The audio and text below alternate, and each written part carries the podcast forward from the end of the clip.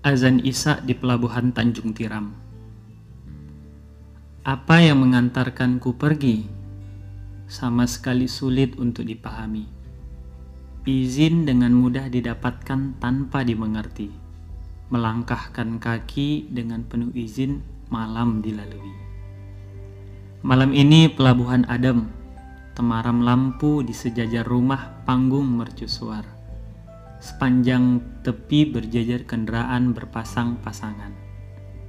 Majnun dan Laila di atas mesin besi hitam menatap, bercerita dan menikmati malam.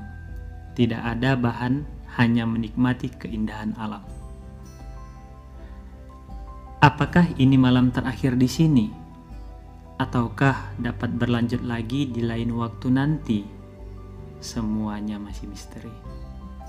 Tidak semua kenangan Laila dapat divisualkan dalam deretan bahasa cinta, sebab keanggunan Laila lebih indah dari kata-kata, kelembutannya lebih lembut dari balutan sutra. Ini bagian cerita kebersamaan nyata yang sulit terlupa.